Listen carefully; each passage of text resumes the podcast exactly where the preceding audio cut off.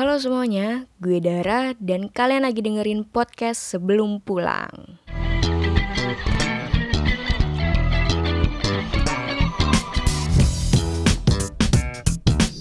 Oke, halo semuanya, welcome to podcast sebelum pulang episode 9 Dan bareng gue ini kayak punya peran penting selain CEO nih Peran ini menurut gue gak kalah penting saudara. Oke, welcome uh, Bayu Bayu is here Bayu HR di kita bisa ya Bay? Iya. Oke, jadi nanti kita akan ngomongin em, gaji 8 juta. Mungkin kita juga akan ngomongin itu. Cuman di sini yang uniknya adalah emang sangat common sih. Cuman kemarin gue sempet ngobrol juga sama Bayu tentang Bayu lu kuliah eh, kuliahnya apa dulu jurusannya? Gue pikir kayak psikologi, manajemen dan ternyata apa Bay jurusan lo? Eh, gue kuliah jurusan pertambangan. Anjir, teknik pertambangan. Iya. Cuy.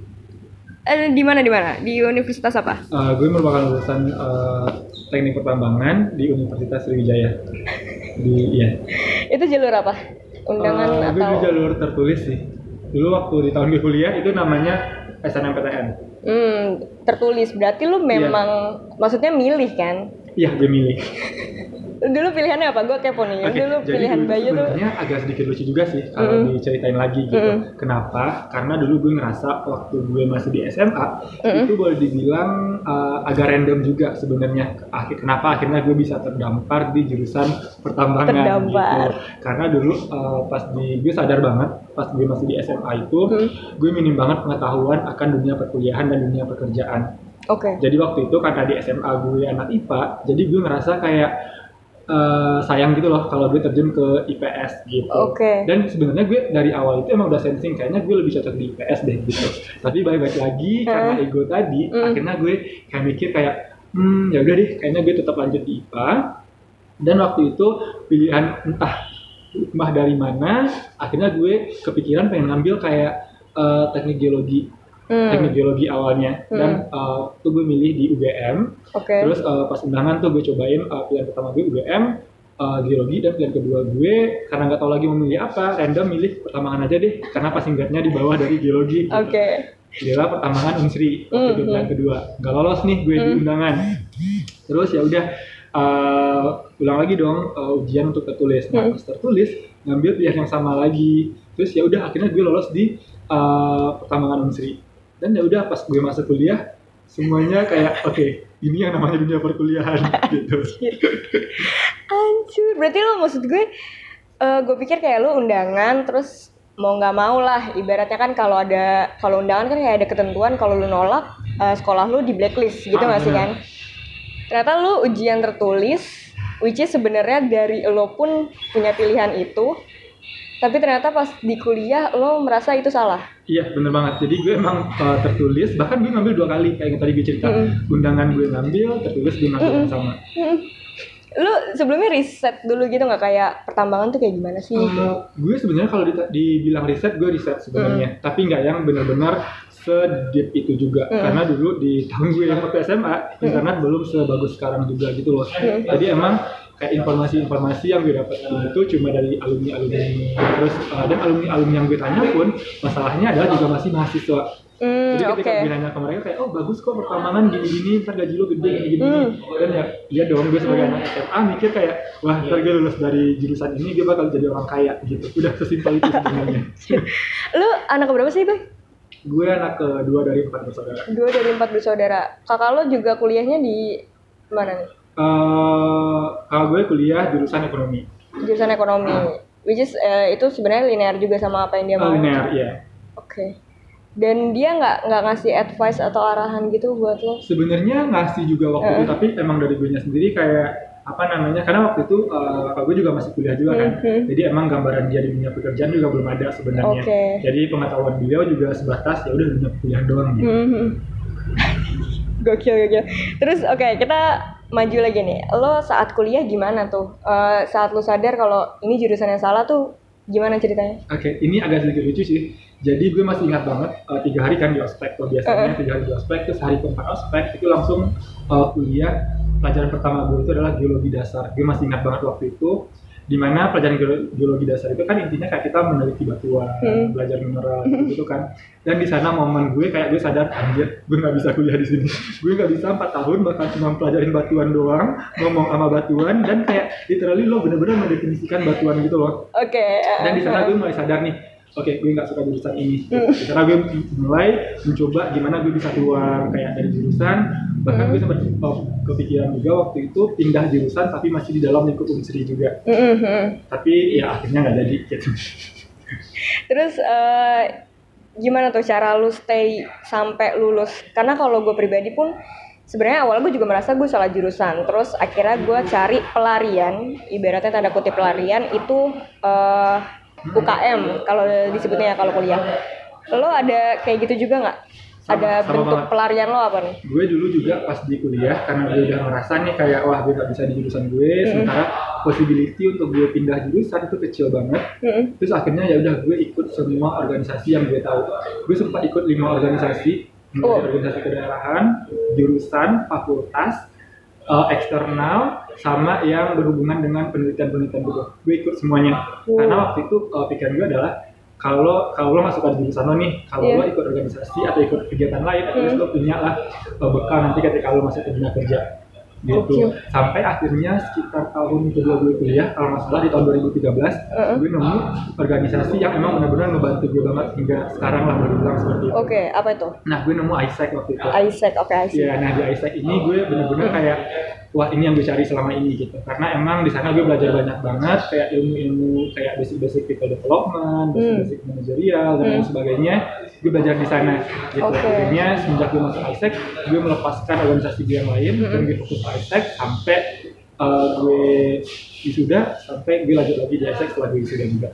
Oh, di sana ada program alumni gitu atau gimana? Uh, jadi kalau di ISEC itu kan uh, karena organisasi internasional, jadi uh, sistem kepengurusannya itu uh, di tingkat paling tinggi itu ada ISEC internasional. Hmm. Nanti di ISEC internasional itu ada lagi ISEC per region, kayak Asia Pasifik, Amerika, Eropa dan lain sebagainya. Oke. Nanti di bawah itu juga ada ISEC per negara, Hmm. ISEC nasionalnya gitu. I see, I see. Nah jadi gue lanjut ISEC nasional setelah gue wisuda, uh, itu full time, satunya udah full time, gue kerja di sana satu tahun, dan setelah itu baru gue uh, terjun ke dunia per Oh, I see. Terus eh, selama lo kul- kuliah ada program magang gitu nggak di kampus? Ada, ada, ada program magang dari jurusan ya. Eh. Kalau dari jurusan ada, gue sempat magang itu uh, dua kali sebenarnya. Oke. Magang pertama itu kerja praktek uh, yang emang wajib, jadi kita meneliti keseluruhan. Mm-mm. Sama yang kedua itu uh, praktek untuk tugas akhir, jadi kayak penelitian jatuhnya. Dan itu sejalur, ibaratnya ha- harus sesuai dengan jurusan Harus lo kan? sesuai. Jadi gue emang literally uh, dua kali itu ke lapangan dan Heeh. ke apa istilahnya ke uh, industri pertambangannya langsung, Mm, kayak mm. gue ke lapangan, gue ngelakuin uh, pengeboran dan lain sebagainya, Mm. dan gue ngeliat langsung lah di sana gitu. Gokil. Itu berapa lama? Itu sekitar uh, dua bulan. Dua bulan. Dan lo enjoy nggak ngejalaninnya? Ah jujur enggak sih, karena gue waktu itu ngelakuinnya emang karena kewajiban juga kan. Karena kalau gue nggak ngelakuin kerja praktek, gue nggak ini, gue nggak bisa wisuda kan, nggak bisa uh, Hmm, kerja hmm. Jadi emang literally gue ikut kegiatan itu untuk uh, fulfill kewajiban di kuliah doang. Tapi ada nggak sih sedikit dari ilmu saat lo kuliah, I mean di pertambangan itu yang masih bisa diaplikasiin di karir lo yang sekarang? Ada pasti, karena kalau di teknik ya, Heeh. itu semua teknik sih pasti kita belajar namanya analisis. Oke, Analisis, ya, ya. kita benar-benar harus uh, semuanya based on data dan sebagainya gitu. Dan itu yang bagi gue sampai sekarang masih tetap dipertahankan lah bilang seperti itu. Wah, Bayu gokil. Terus eh, maju lagi nih, lo lulus berarti langsung apply HR atau tadi mungkin ISEC dulu ya? ISEC berapa lama berarti? Gue Isaac sekitar uh, setahun tujuh bulan, Oh ya, lama juga ya? lama juga. Dan itu lo nganggur nggak? Nggak kerja apa pun? Uh, udah gue kerja di Isaac, jadi di Isaac Oh. itu kalau ketika lo udah masuk ke apa namanya pengurus nasionalnya, Mm. lo udah kerja full time. Oh oke. Gue udah stay di Jakarta waktu itu, tinggal di asrama Isaac, terus setiap hari gue ngelakuin di Isaac. Oh I see. Berarti ISEC dulu, baru abis itu?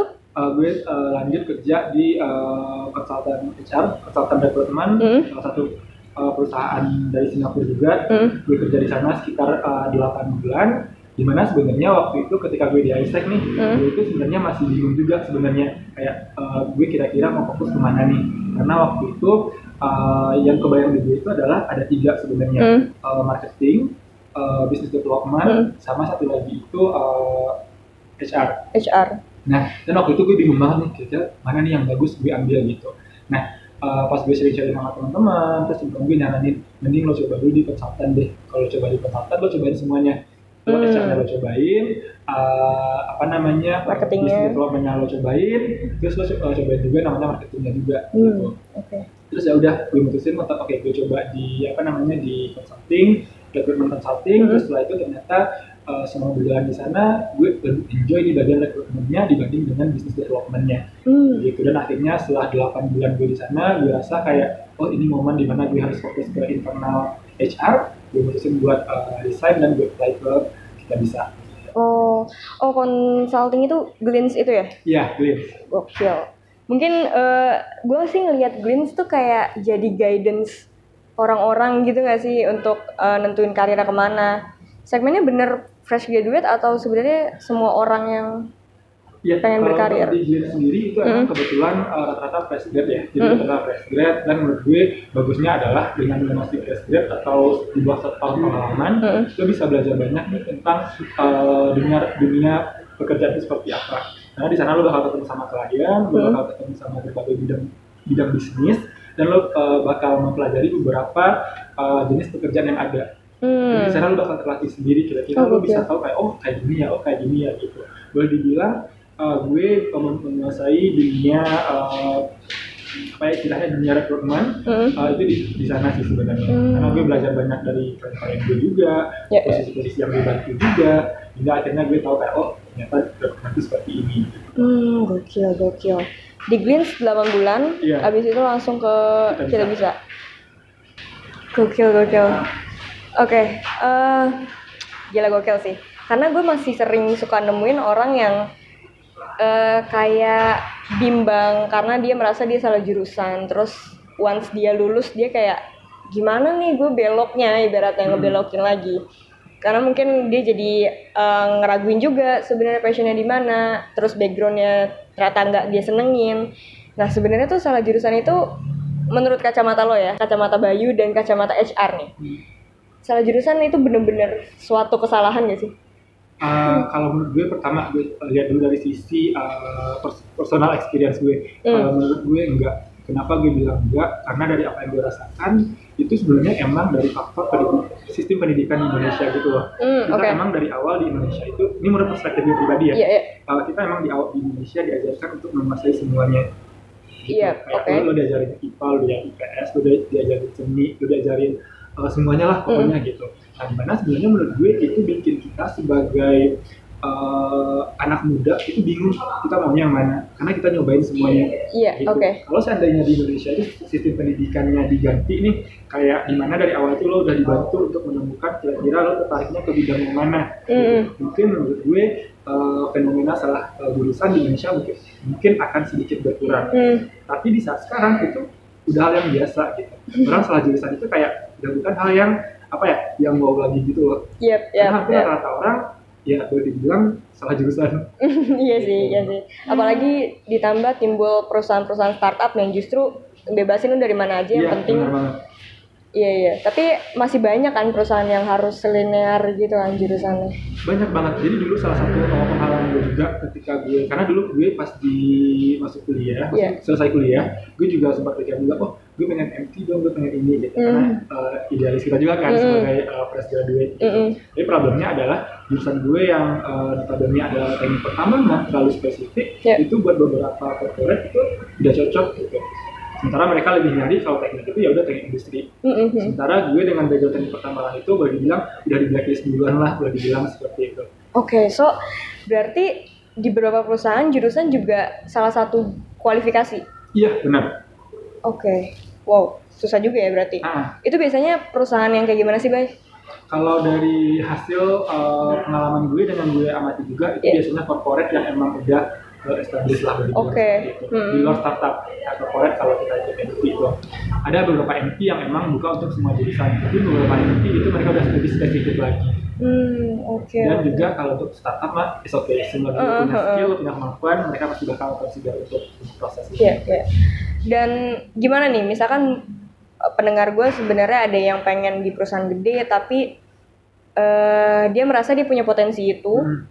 Menurut lo tipsnya lah ibaratnya. Oke. Dia dia harus apa nih? tips kalau menurut gue kalau seandainya nih eh, kasusnya kayak lo dari jurusan yang nggak memungkinkan buat masuk ke sana Iya, iya. gitu saran gue adalah lo coba kerja dulu di dunia startup di mana dunia startup itu lo bakal belajar banyak banget lo bakal benar-benar boleh dibilang belajar dari nol lah boleh dibilang seperti itu Oke. nanti setelah total dua tahun lo, lo kerja di sana dan kalau emang pengen eh, mencapai cita-cita lo Hmm. gue sangat menyarankan untuk lanjut kuliah lagi sih lanjut kuliah ke bidang Oh. lebih spesifik Oke, agar oke. nanti uh, background pendidikan lo bisa dilihat karena ketika lo masuk ke corporate itu setahu gue background pendidikan benar-benar dilihat Hmm, oke, tricky banget ya. iya jadi banget Asli.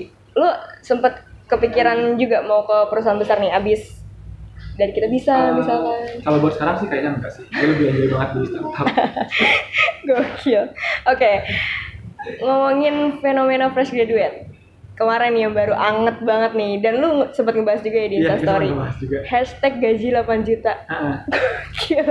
Bye, ada fresh graduate yang nolak gaji 8 juta.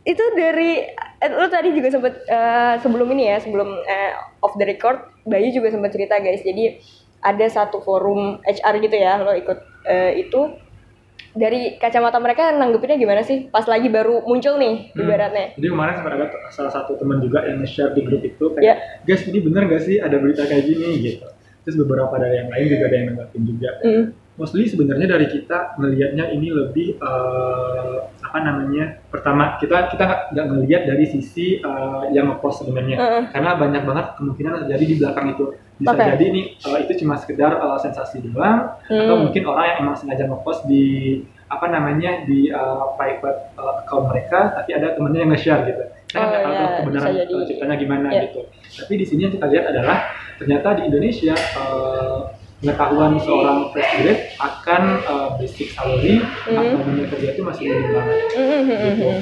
Eh, terbukti dengan pesan tersebut Iya. gitu. itu masuk ke nggak tahu sih gue berasumsi dia overvalue dirinya sendiri nggak sih atau sebenarnya masalah-masalah yang tadi basic salary itu udah common banget di Indonesia Uh, kalau menurut gue itu balik balik lagi ke standar sebenarnya standar Oke. yang ditaruh atau yang diberikan oleh masing-masing orang Hmm. gitu Hmm. kayak setiap orang nih kayak lo juga pasti Hmm. kayak udah tahu nih kalau gue mau pindah kerja uh, gue pengen uh, salary gue di sini gitu itu kan standar dari lo sendiri Iya. gitu nah begitu juga sebenarnya dengan para uh, fresh graduate tersebut sebenarnya menurut gue pribadi nggak ada salahnya ketika emang uh, seorang fresh graduate menetapkan uh, standar untuk skill yang mereka punya Mm-mm. tapi problemnya adalah mereka udah tahu belum harga market di Indonesia seperti apa. Oke, eh, gimana tuh urutannya? Karena gue pun sebenarnya ya, Hmm. honestly gue suka bingung juga, even dengan gaji gue yang sekarang gue masih suka mikir, oh gue seharga segini ya, apa Hmm. gue bisa lebih atau justru sebenarnya gaji gue yang sekarang ya eh, lebih tinggi dari standar gue. Nah, gimana cara orang orang-orang ini untuk nentuin, oh lo tuh sepadan dengan harga ini? Gimana sih bang Oke, caranya? nah, nah kalau menurut gue tips yang perlu dilakukan itu adalah pertama banyak-banyak research di internet. Oke. Sekarang semua apa namanya semua uh, startup lah boleh bilang seperti Mm. itu, ketika mereka nge-post jobnya itu salary-nya udah dicantumin di sana. Gitu. Iya. Rata-rata boleh dibilang rata-rata udah nyantumin di sana. Nah, Mm. lo bisa lihat nih uh, posisi lo sekarang sebagai apa gitu. Uh, kira-kira uh, di PR, PR-nya di Mm. bagian mana? Ntar lo bisa cek di beberapa platform, kira-kira untuk PR nih Mm. di posisi ini dengan experience segini rata-rata orang ngasih salary-nya di berapa sampai berapa sih Oke. gitu. Emang bener nggak ada yang eh, boleh dibilang fix pasti segitu nggak ada. Mm. Mereka cuma ngasih range. Tapi dari range tersebut lo bisa tahu kayak oh berarti gue emang eh, apa namanya emang semestinya mendapatkan salary di atas ini. Hmm. Tapi gue juga sering nemuin sih, ini Hmm. dapur banget sih obrolan dapur. Ada yang memang dia sama-sama fresh graduate, dia punya job desk yang sama, cuman dia gajinya berbeda. Di- Dua orang ini gajinya beda. Biasanya faktor apa sih, Bay, yang bikin beda tuh? Oke, Di itu luar- faktor nanti. Nah ini menurut gue rahasia HR juga nih sebenarnya. Oh, oke. Eh, ada dua orang di posisi yang sama, experience yang sama, tapi Mm-mm. gajinya berbeda. Mm. Kenapa bisa? Pertama, kita bisa melihat dari skill yang dia punya. Jadi nanti user nih, user Oke. ngobrol sama dua kandidat ini yang bakal di offer gitu. Hmm. Pasti user ini udah tahu kira-kira yang paling pintar untuk yang dia butuhkan yang paling yang mana. Oke. Karena ada manusia yang sama. gitu. Heeh, heeh. Jadi berarti dia udah tahu nih, oh si A ini emang lebih boleh bilang inter of skill lebih pintar daripada yang si B gitu. Yep. Otomatis nanti dia bakal naikin gajinya si uh, A Hmm, gitu. oke. Nanti di gaji si A lebih tinggi, otomatis uh, tanggung jawabnya lebih tinggi juga. Hmm. Karena gini, karena Hmm. ketika lo ngegaji orang, itu sebenarnya lo investasi ke dia. Kalau Iya, seandainya return yang dia, dia berikan ke perusahaan nggak sama, ya Hmm. buat apa di iniin gitu. Hmm. Bahkan itu bisa jadi bumerang untuk atasannya sendiri. Oke. Makanya boleh dibilang, eh, ya itu kayak rahasia HR juga, eh, kita emang boleh dibilang orang divisi yang sama banyak kita hire dengan gaji yang berbeda, tapi dengan eh, tanggung jawab yang berbeda. Tanggung jawabnya ya. Balik lagi sih, effort lo sa- sampai mana gitu. Benar. Karena masih banyak banget sih kayak orang nuntut gue tuh uh, standarnya segini, tapi Hmm. eff- dia nggak mau effort lebih. Nah, iya, Oke, jadi eff- uh, ibaratnya tanggung jawab juga salah satu faktor ya. salah satu faktor juga. Tentuin gaji lo berapa. Oke, berbicara tadi salah jurusan, terus uh, entah lo overvalue atau undervalue gaji yang seharusnya lo dapetin. Em, dari HR sendiri, lo pasti punya datanya nih. Fresh graduate, biasanya kesalahannya itu dari mana sih? Oke, yang pertama itu menurut gue yang paling paling common itu adalah yang penting dapat kerja. Oh, kenapa itu itu salah? common banget menurut gue. Jadi eh, fresh grad itu gue nggak tahu ya. Eh, eh, rata-rata jadi kayak impulsif gitu. Ketika lo buka Hmm. lowongan pekerjaan, lo apply semuanya. Tep, tep, tep, tep, tep, ada 100, lo apply ke 100 100-nya Hmm. gitu. Menurut gue itu kayak mindset di mana mereka yang penting gue dapat kerja dulu. Yang penting gue dipanggil interview dulu. Hmm. Yang penting gue ada yang eh, nge-connectin ke profile gue gitu. hmm, Nah, menurut gue ini adalah hal yang salah banget. Kenapa? Karena dengan semakin banyak lo apply kerja, sementara conversionnya dikit, itu bakal mempengaruhi psikologi lo. Di mana Oh, lo ngerasa oke. kayak, ya gue udah apply nih 50 pekerjaan gitu, yang Hmm. manggil gue cuma ada satu, atau Hmm. bahkan nggak ada sama sekali. Gitu. Hmm. Otomatis lo bakal kegedean sendiri dong energi lo kayak, Iya. dan lo bakal stres sendiri kan. Hmm. Padahal sebelumnya problemnya adalah dari fresh grad ini mereka tidak mempelajari job description dan requirement-nya secara detail Oke. gue banyak banget nemu posisi-posisi yang udah jelas-jelas gue start di sana minimal dua tahun pengalaman Iya. atau dengan background pendidikan ini ini dan Mm. pengalaman ini ini tapi banyak fresh grad yang uh, dengan zero pengalaman dengan background uh, pendidikan yang sangat jauh berbeda apply ke posisi yang sama Mm. otomatis dong gue bakal nge-reject kandidat ini nah Oke. yang gue pikirin adalah kalau dia bisa apply ke posisi gue yang ini mungkin dia juga apply ke posisi yang sama di perusahaan yang lain Yep. otomatis kemungkinan dia di reject bakal semakin besar Yep. gitu. Oke. Itulah kenapa menurut gue eh, kesalahan yang paling fatal atau paling pertama lah dilakukan oleh grad sendiri. Yang penting dapat kerja itu Hmm. adalah salah satu mindset yang salah. Hmm. So what they should prepare sebenarnya? Apakah mereka harus punya let's say lo rumusin dulu nih kualifikasi lo yang mana, terus lo targetin lo mau ke mana-mana kayak gitu nggak sih? Atau sebenarnya HR ada tips lain? Oke, kalau dari gue sendiri kurang lebih sama. Yang pertama itu dari even lo fresh grad lo nggak punya apa namanya lo punya Pengalaman, ya? lo harus mengenali dulu diri lo seperti apa. Oke. Kenali diri lo, kenali minat lo, kenali uh, bakat dan kenali apa yang pengen lo lakuin ke depannya. Mm-mm. Nanti dari sana lo mulai nih bertanya-tanya ke alumni yang udah kerja, harusnya udah kerja. eh, kira-kira dunia kerja yang untuk di bidang ini seperti apa, ini ini seperti apa. Hmm. Nanti dari sana lo pasti bakal dibantu untuk mempelajari karir seperti apa. Hmm. Nah nanti ketika lo udah berhasil tuh bikin pemetaannya, lo tinggal apply ke posisi-posisi yang emang lo eh, tertarik dan kuatnya di sana. gitu. Mm-mm. Sehingga nanti kemungkinan lo untuk diproses di posisi tersebut bakal ba- bakal akan bakal makin lebih gede lagi lah. Gitu, lah, seperti itu. Even gue sempat baca-baca juga sih untuk beda posisi pun lo harus nyiapin CV yang berbeda. Iya nggak sih? Iya, gitu? bener banget, bener banget. Masih banyak yang general gitu ya, Bay? Masih banyak yang general banget. Ini menurut gue kayak salah satu trik juga nih. Ini Hmm. nggak cuma berlaku untuk uh, fresh grad juga. Ini Oke. menurut gue buat semua orang yang pengen dapat kerja ke bidang baru.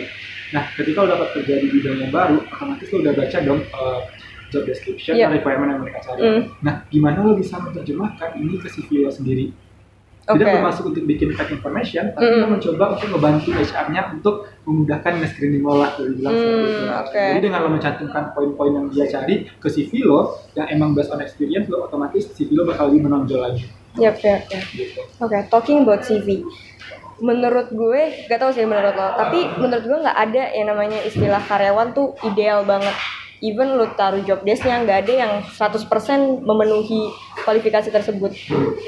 Dari HR sendiri, eh, gimana sih cara milih eh, orang ini adalah karyawan yang ideal untuk posisi ini? Itu gimana sih, Bay? Oke, sebenarnya kalau talking about CV juga benar banget nggak ada karyawan yang ideal untuk Hmm. satu posisi. Tapi yang bisa kita lakukan itu adalah ketika gue pertama kali nge-screening CV kandidat, gue bakal milih kandidat yang CV-nya mudah untuk dimengerti. Oh, oke menarik. Yang gimana toh? CV yang udah dimengerti yang gimana? CV yang udah dimengerti adalah CV yang nggak bertele-tele.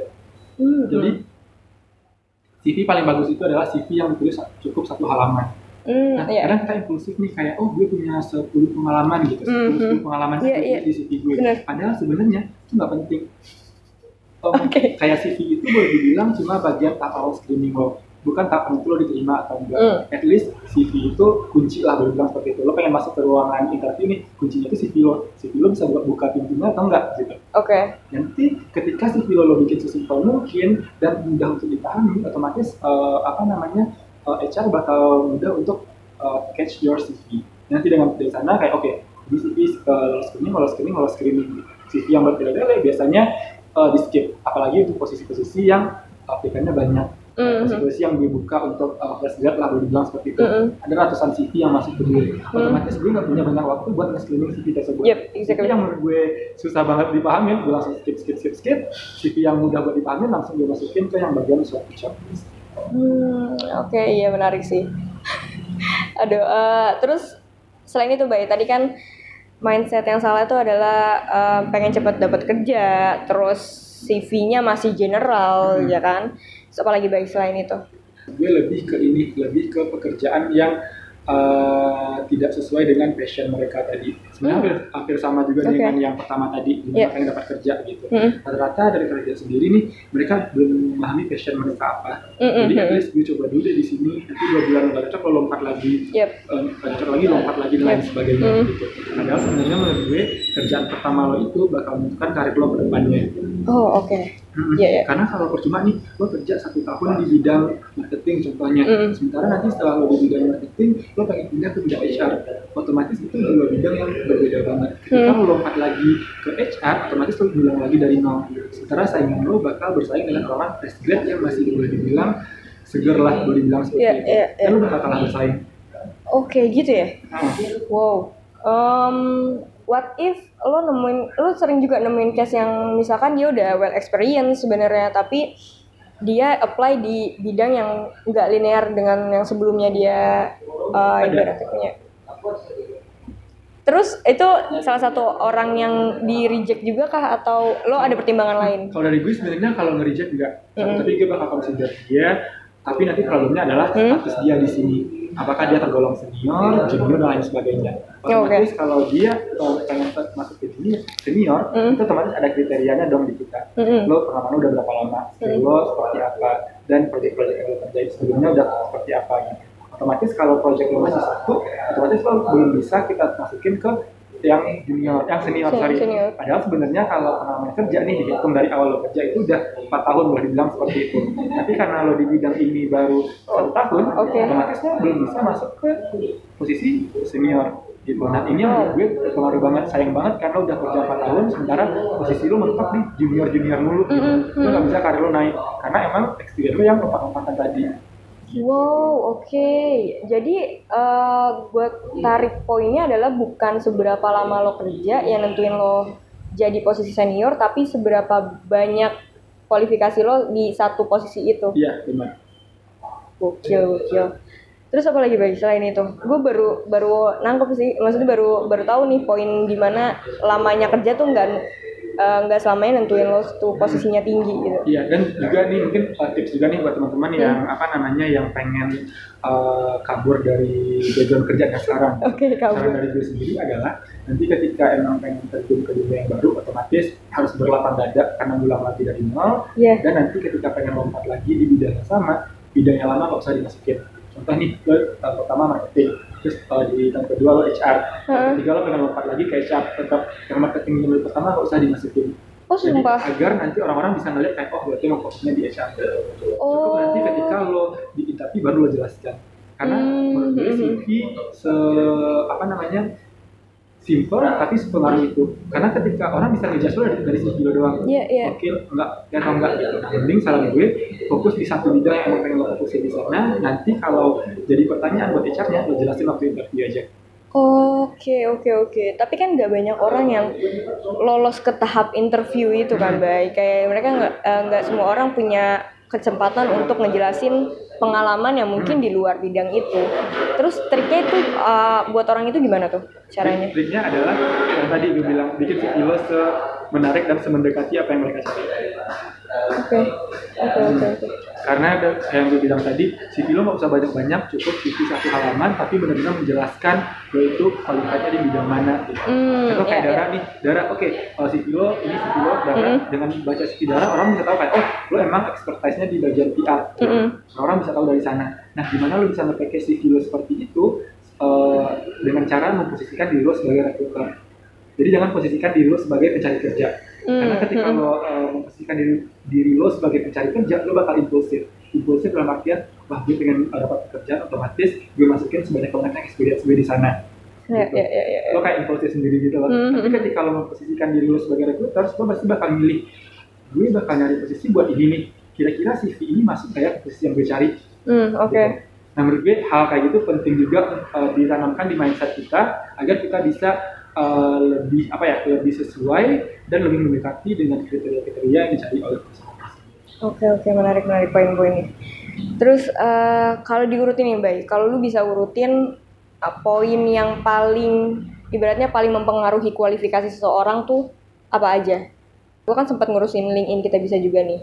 Gak jarang juga gue nemuin em, bagian lead eh, lead leadnya, mereka selalu ngomong attitude itu nomor satu. Kayak lu nggak apa-apa deh gak jago sekalipun, tapi lu mau belajar.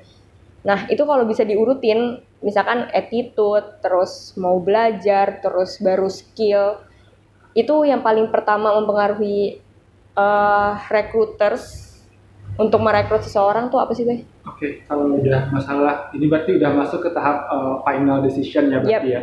Oke, pertama itu pastinya attitude itu udah pasti. Mm. Karena percuma lo sepintar apa pun, kalau lo cuma bakal jadi toxic di perusahaan kita ya buat apa kita nge-hire lo? Yang pertama udah Mm. pasti. Uh, yang kedua itu skill, skill uh, yang lo punya untuk di bidang tersebut. Ya, Sama yang ketiga itu adalah uh, kemauan lo untuk belajar. oke. Jadi kalau attitude di awal tadi itu lebih ke uh, gimana cara lo bersikap. Lo tipe orang yang sesuai gak sih dengan value yang dicari oleh perusahaan tersebut Mm-hmm.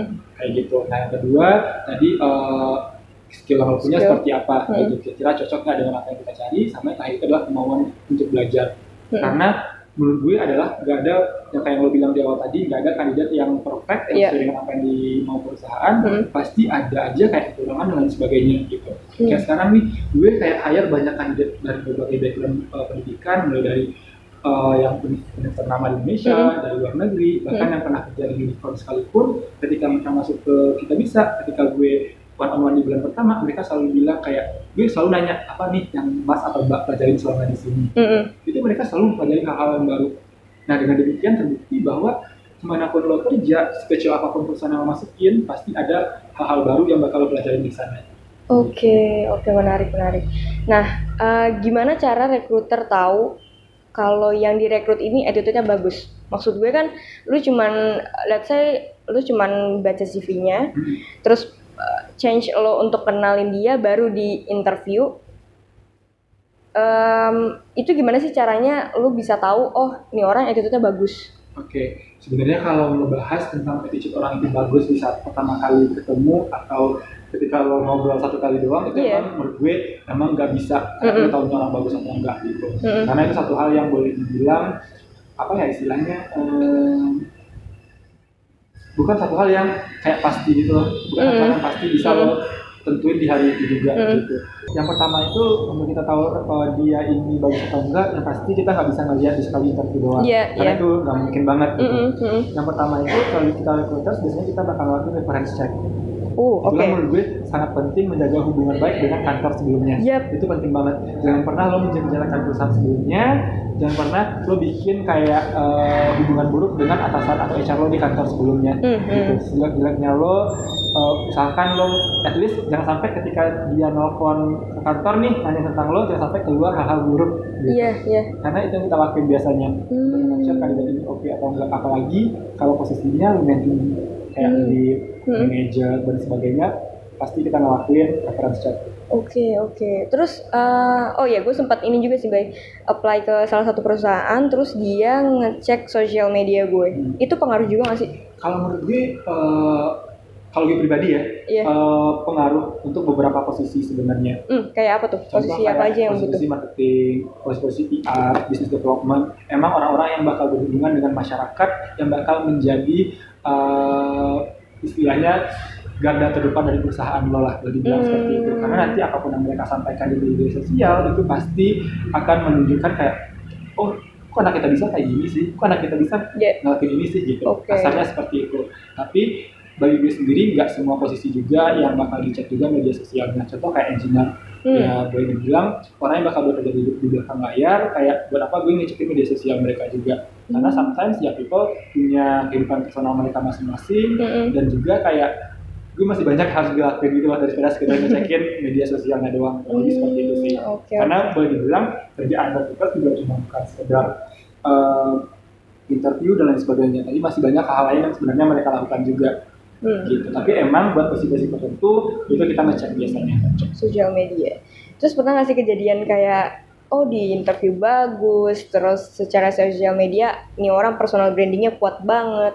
Eh once dia kerja ternyata zong gitu. Oh, Pernah. pernah, pernah. Dan itu sering kejadian gitu nggak sih? Kalau sering kejadian, alhamdulillah enggak. Cuma ada beberapa Hmm. yang emang boleh dibilang pas kita reference check nih bagus kata Hmm. katanya bagus. Terus pas kita interview juga bagus. Pas dikasih uh, beberapa tes sama usernya langsung bagus juga Hmm. gitu. Tapi ternyata pas diskusi di kantor ternyata tidak sesuai dengan ekspektasi kita juga gitu.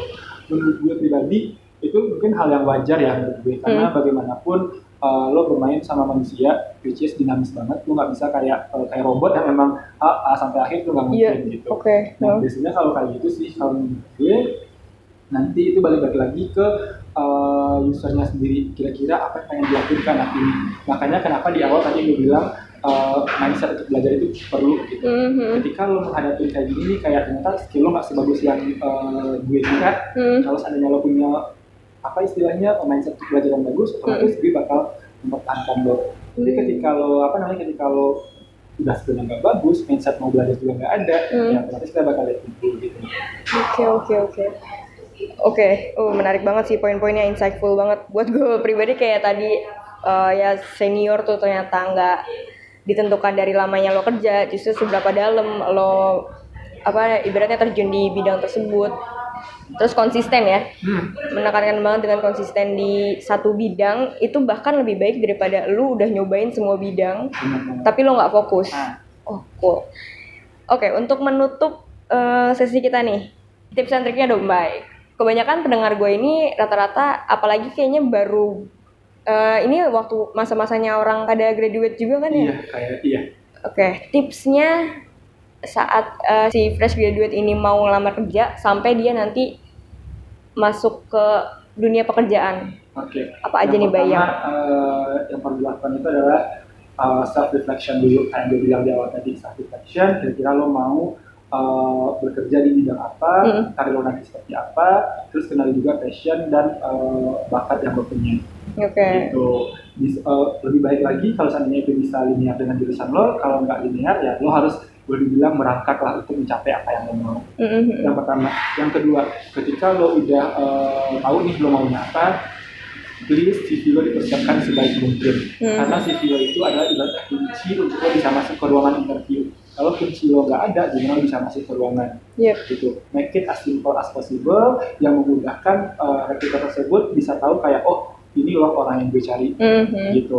sama yang ketiga eh, pelajarin job description-nya dengan benar-benar dan secara baik mungkin jangan sampai ketika di sana tertulis yang dibutuhkan dua tahun experience Hmm. sementara lo yang masih zero experience apply ke sana Hmm. otomatis itu bakal memperbanyak kemungkinan lo untuk di reject juga Hmm, gitu oke. dan nanti uh, dengan mempelajari job description-nya juga lo bisa tahu nih kira-kira nanti jawaban ketika lo di interview bakal seperti apa Hmm. gitu sama yang selanjutnya ketika nanti lo di lolos nih interview terus uh, dipanggil interview terus uh, masuk ke tahap offering Mm. gue sangat menyarankan terutama buat fresh grade pelajari beberapa hal yang emang basic dari uh, offer itu tersendiri Mm. di mana nih pertama lo harus tahu uh, standar gajinya berapa sih untuk posisi Mm. tersebut karena beda posisi beda standarnya Ya. kayak yang teknologi sama yang teknologi itu biasanya beda Hmm, gitu grade-nya lo pelajarin dulu jangan sampai nanti lo uh, mintanya terlalu tinggi atau mungkin lo lebih parahnya lagi itu lah underpaid boleh dibilang Hmm. underpaid lah dari apa yang seharusnya gitu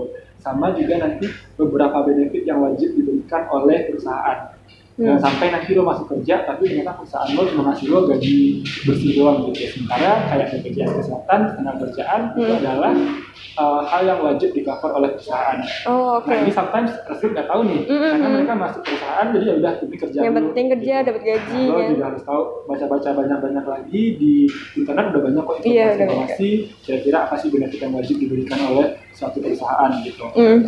Itu yang ketiga ya tadi ya. Hmm. Eh, yang selanjutnya juga eh, ketika lo udah offer, udah terima offer, nanti make sure coba belajar benar-benar kayak mindset untuk mau belajar itu benar-benar ditanamkan di dalam diri Hmm. karena satu hal yang gue apa namanya gue lihat juga dari para milenial juga ketika lo nggak suka dengan kerjanya lo langsung lompat atau lo nggak suka dengan lingkungan kerjanya lo langsung lompat Hmm. padahal menurut gue at least bertahan dulu satu tahun di sana eh, nanti setelah setahun lo baru bisa keluar di tempat lain at least ketika lo keluar lo bawa satu hal untuk menjual lagi di perusahaan selanjutnya Hmm, karena oke. kalau lo keluar terlalu cepat kita sebagai recruiter bakal menilai lo tetap fresh graduate Hmm, hmm, lo, lo nggak bakal dipandang sebagai orang yang udah berpengalaman gitu. Hmm, hmm. Jadi bertahan satu tahun di sana dulu, nanti satu tahun lo baru lompat lagi ke perusahaan yang selanjutnya. Oke oke. Eh, menurut lo mindset yang paling penting untuk fresh graduate itu apa sih sebelum dia berkarir gitu? Eh, mindset paling penting itu adalah beginner mindset sih. Beginner Di mana lo mindset. benar-benar kayak eh, merasa lo itu masih nol banget, Hmm. perlu belajar, perlu eh, mencari tahu lebih banyak lagi, dan perlu mendapatkan feedback dan input eh, lebih banyak lagi. Oke, jadi open mindset tuh penting juga Iya, ya. bener banget. Gokil, Bayu, thank you udah sharing banyak Yes, banget hal nih. Udah ngeluarin juga secret-secretnya HR tadi ya. Semua nih pendengar gue bisa langsung menentukan nih karirnya mau apa nih habis ini. Terus juga yang tadi konsistensi itu sebenarnya penting gitu. Lu bahkan lebih em, akan apa ya diuntungkan lagi situasinya saat lu emang udah tahu duluan nih passion lo apa dan yang tadi nggak ada karya- karyawan yang ideal gitu dan itu sepinter-pinternya lo untuk nge-cover kekurangan lo dengan hal-hal yang lain gitu. Thank you Bayu uh, buat sharing-sharingnya. Semoga faedah ya guys. Jangan lupa nih kalau Bayu Instagramnya apa nih? Kadang suka nge-share tips-tips juga ya. Oh iya, Eh, gue sering share beberapa tips juga di Instagram, Hmm. Instagram gue @bayu At Bayu Bayudi. Terus oh ya lu ada project HR Talks gitu ya? Oh iya, jadi gue sekarang lagi running project juga bareng temen-temen gue. Kita bikin kayak uh, persiapan lah, kayak uh, Hmm. mini persiapan untuk anak-anak fresh grad atau last year student Hmm. untuk mempersiapkan masuk ke dunia kerja. Kita Oke. kasih tips and trick kayak bikin cara bikin CV seperti apa, cara Hmm. menemukan bidang kerja yang mau seperti apa, cara membaca job description seperti apa, Hmm. sampai nanti uh, lo diterima, di offer dan sebagainya. Gokil lengkap banget. Itu di mana, Bay?